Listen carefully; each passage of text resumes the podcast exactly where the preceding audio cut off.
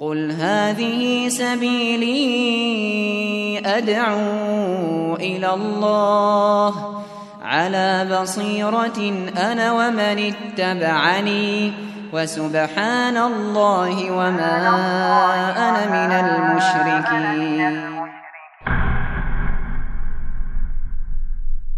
بسم الله الرحمن الرحيم السلام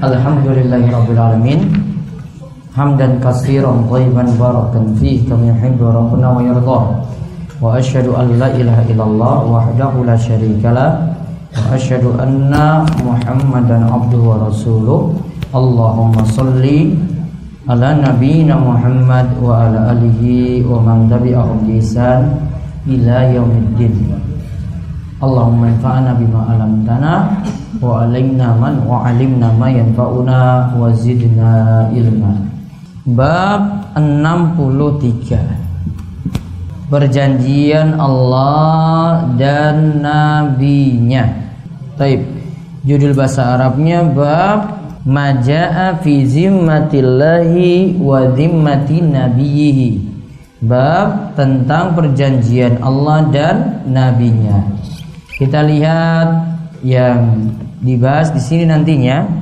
ditulis menunaikan janji termasuk mengagungkan Allah. Menunaikan janji termasuk mengagungkan Allah. Sedangkan tidak menunaikan janji berarti tidak mengagungkan Allah. Tidak menunaikan janji berarti tidak mengagungkan Allah. Dan berarti kurang dalam tauhid. Dan berarti kurang dalam tauhid. Baik, sekarang kita lihat dalilnya An-Nahl 91. Allah Ta'ala berfirman Tepatilah perjanjian dengan Allah apabila kalian berjanji dan janganlah kalian membatalkan sumpah-sumpah kalian itu Sesudah meneguhkannya karena kalian telah menjadikan Allah sebagai saksi kalian terhadap sumpah-sumpah itu Sesungguhnya Allah mengetahui yang kalian perbuat. Taib. Wa aufu bi ahdillah. Idza ahadtum. Tepatilah perjanjian dengan Allah apabila kalian telah berjanji. Wala tangkusul aimana ba'da taukidiha dan janganlah kalian membatalkan sumpah-sumpah kalian itu sesudah meneguhkannya wa qad ja'altumullah alaikum kafila karena kalian telah menjadikan Allah sebagai saksi kalian Innallaha ya'lamu ma taf'alun Sesungguhnya Allah mengetahui yang kalian perbuat. Di garis bawahi, tepatilah perjanjian dengan Allah. Apabila kalian berjanji. Berarti janji itu wajib ditepati. Tidak menepati janji berarti kurang tadi dalam masalah tauhidnya. Dan yang kita pelajari dalam kitab tauhid ini untuk menyempurnakan tauhid kita pula. Kemudian Buraidah. Buraidah radhiyallahu anhu menuturkan bahwa jika Rasulullah shallallahu alaihi wasallam mengangkat komandan batalion atau peleton, maka beliau memberikan wasiat secara khusus kepadanya agar bertakwa kepada Allah dan bersikap baik kepada kaum muslimin yang menyertainya.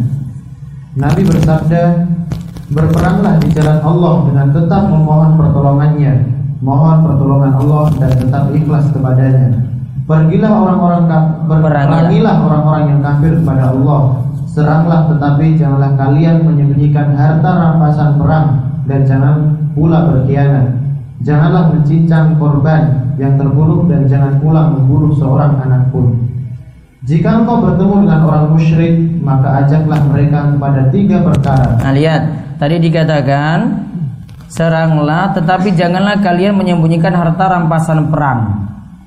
Dan jangan pula berkhianat. Berarti khianat ini tidak diperkenankan termasuk juga dalam perang. Lalu disebutkan pula janganlah mencincang korban yang terbunuh. Apa berarti ini? Hmm, mutilasi.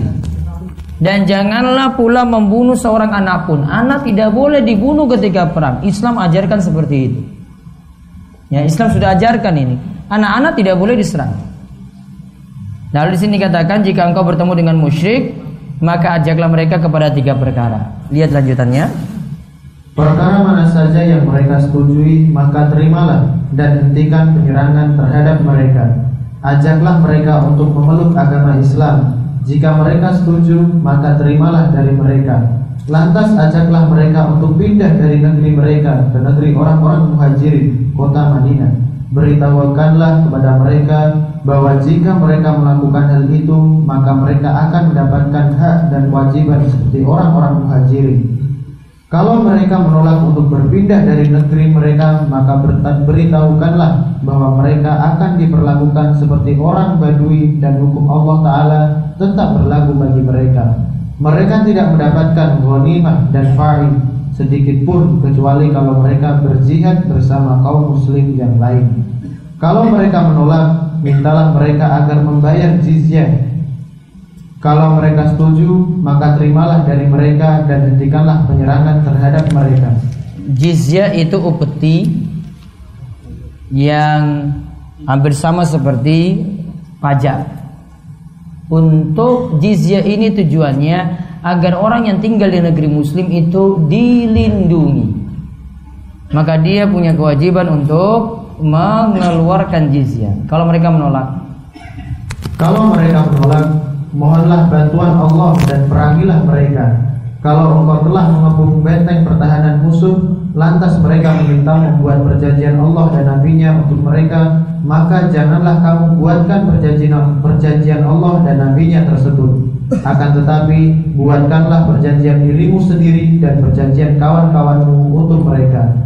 Karena membatalkan perjanjian kalian sendiri dan kawan-kawan kalian lebih ringan resikonya daripada membatalkan perjanjian Allah dan Nabi-Nya. Nah, lihat di garis bawahi membatalkan perjanjian kalian sendiri dan kawan-kawan kalian lebih ringan resikonya daripada membatalkan perjanjian Allah dan Nabi-Nya. Jadi kalau sudah bawa nama Allah dan Nabi lebih berat dibanding dengan janji biasa. Terus jika engkau telah mengepung jika engkau telah mengepung benteng pertahanan musuh, lantas mereka memintamu untuk mengeluarkan mereka dengan hukum Allah, maka janganlah engkau keluarkan mereka. Akan tetapi keluarkanlah mereka atas dasar hukummu, hukum asli istihadmu. Hukum hasil istihadmu. Karena engkau tidak tahu apakah tindakanmu terhadap mereka itu sudah sesuai dengan hukum Allah atau belum. Nah, jadi pada kalimat tadi kita kalau buat janji atas nama Allah dan Rasulnya lebih berat daripada janji biasa. Tadi disuruh tadi ajak masuk Islam. Jika setuju terimalah. Lantas ajaklah mereka untuk pindah dari negeri ke negeri orang-orang muhajirin. Berarti disuruh apa di sini? Hijrah. Ya, hijrah ini dituntut bagi orang yang ingin bertobat atau selamat dari kekafiran atau kemusyrikan. Dia pindah tempat ketika itu. Intinya dari pembahasan hadis panjang ini janji Allah dan Rasulnya demi mengagungkan perjanjian atas nama Allah dan Rasulnya demi mengagungkan Allah dan Rasulnya lebih berat dibandingkan dengan janji biasa. Sekarang kita lihat kandungan bab. Kandungan bab satu perbedaan antara perjanjian Allah dan nabinya dengan perjanjian kaum muslimin. Nah, jadi kalau perjanjian Allah dan Rasulnya itu berbeda dengan perjanjian kaum muslimin. Karena kaum muslimin janji biasa kalau sudah ada bahwa nama Allah dan Rasulnya di situ lebih berat. Yang kedua, hendaknya memilih perkara yang memiliki bahaya yang paling ringan dari dua pilihan yang ada. Lihatlah yang lebih ringan. Kalau ada dua mudarat, Pilih yang paling ringan. Kita lihat dari dua hadis tadi. Maaf, dari dalil hadis tadi. Ada di disebutkan dua mudarat, maka kita pilih yang paling ringan. Misalnya dalam masalah berobat. Berobat itu laki-laki ya berobat pada laki-laki, perempuan pada perempuan. Namun kadang di suatu tempat tidak didapati dokter yang sejenis. Maka ketika itu pilih yang paling ringan. Kalau daripada saya itu sakitnya tambah parah, sulit lagi untuk ibadah, mending milih yang paling ringan di situ. Dia milih meskipun lawan jenis demi mengambil mudarat yang lebih ringan. Kemudian yang ketiga, makna sabda Rasulullah Shallallahu Alaihi Wasallam berperanglah di jalan Allah dengan memohon pertolongan kepada Allah. Berperanglah jalan Allah dengan mohon pertolongan kepada Allah. Yang keempat, makna sabda Rasulullah Shallallahu Alaihi Wasallam, perangilah orang-orang yang kafir terhadap Allah. Perangilah orang-orang yang kafir terhadap Allah. Yang kelima, makna sabda Rasulullah Shallallahu Alaihi Wasallam, mohonlah pertolongan kepada Allah dan perangilah mereka. Terus yang keenam, Perbedaan antara hukum Allah dan hukum yang dihasilkan ulama. Hukum Allah dengan hukum yang dihasilkan ulama itu ijtihad itu berbeda. Hukum Allah jelas pasti. Kalau hukum ijtihad nanti berbeda makin eh, masing-masing ulama dalam memutuskan ijtihadnya. Yang ketujuh, sikap para sahabat tatkala suatu ketetapan hukum sangat dibutuhkan padahal kesesuaian putusan tersebut dengan hukum Allah masih belum jelas. Sikap para sahabat tatkala suatu keputusan ketetapan hukum sangat dibutuhkan padahal kesesuaian putusan tersebut dengan hukum Allah masih belum jelas. Ya demikian kita cukupkan ya kita tutup kalian doa kepada majelis mudah-mudahan majelis ini senantiasa membawa berkah bagi kita sekalian. Demikian kita tutup subhanakallahumma bihamdika asyhadu an la ilaha anta astaghfiruka wa atubu ilaik. Assalamualaikum warahmatullahi wabarakatuh.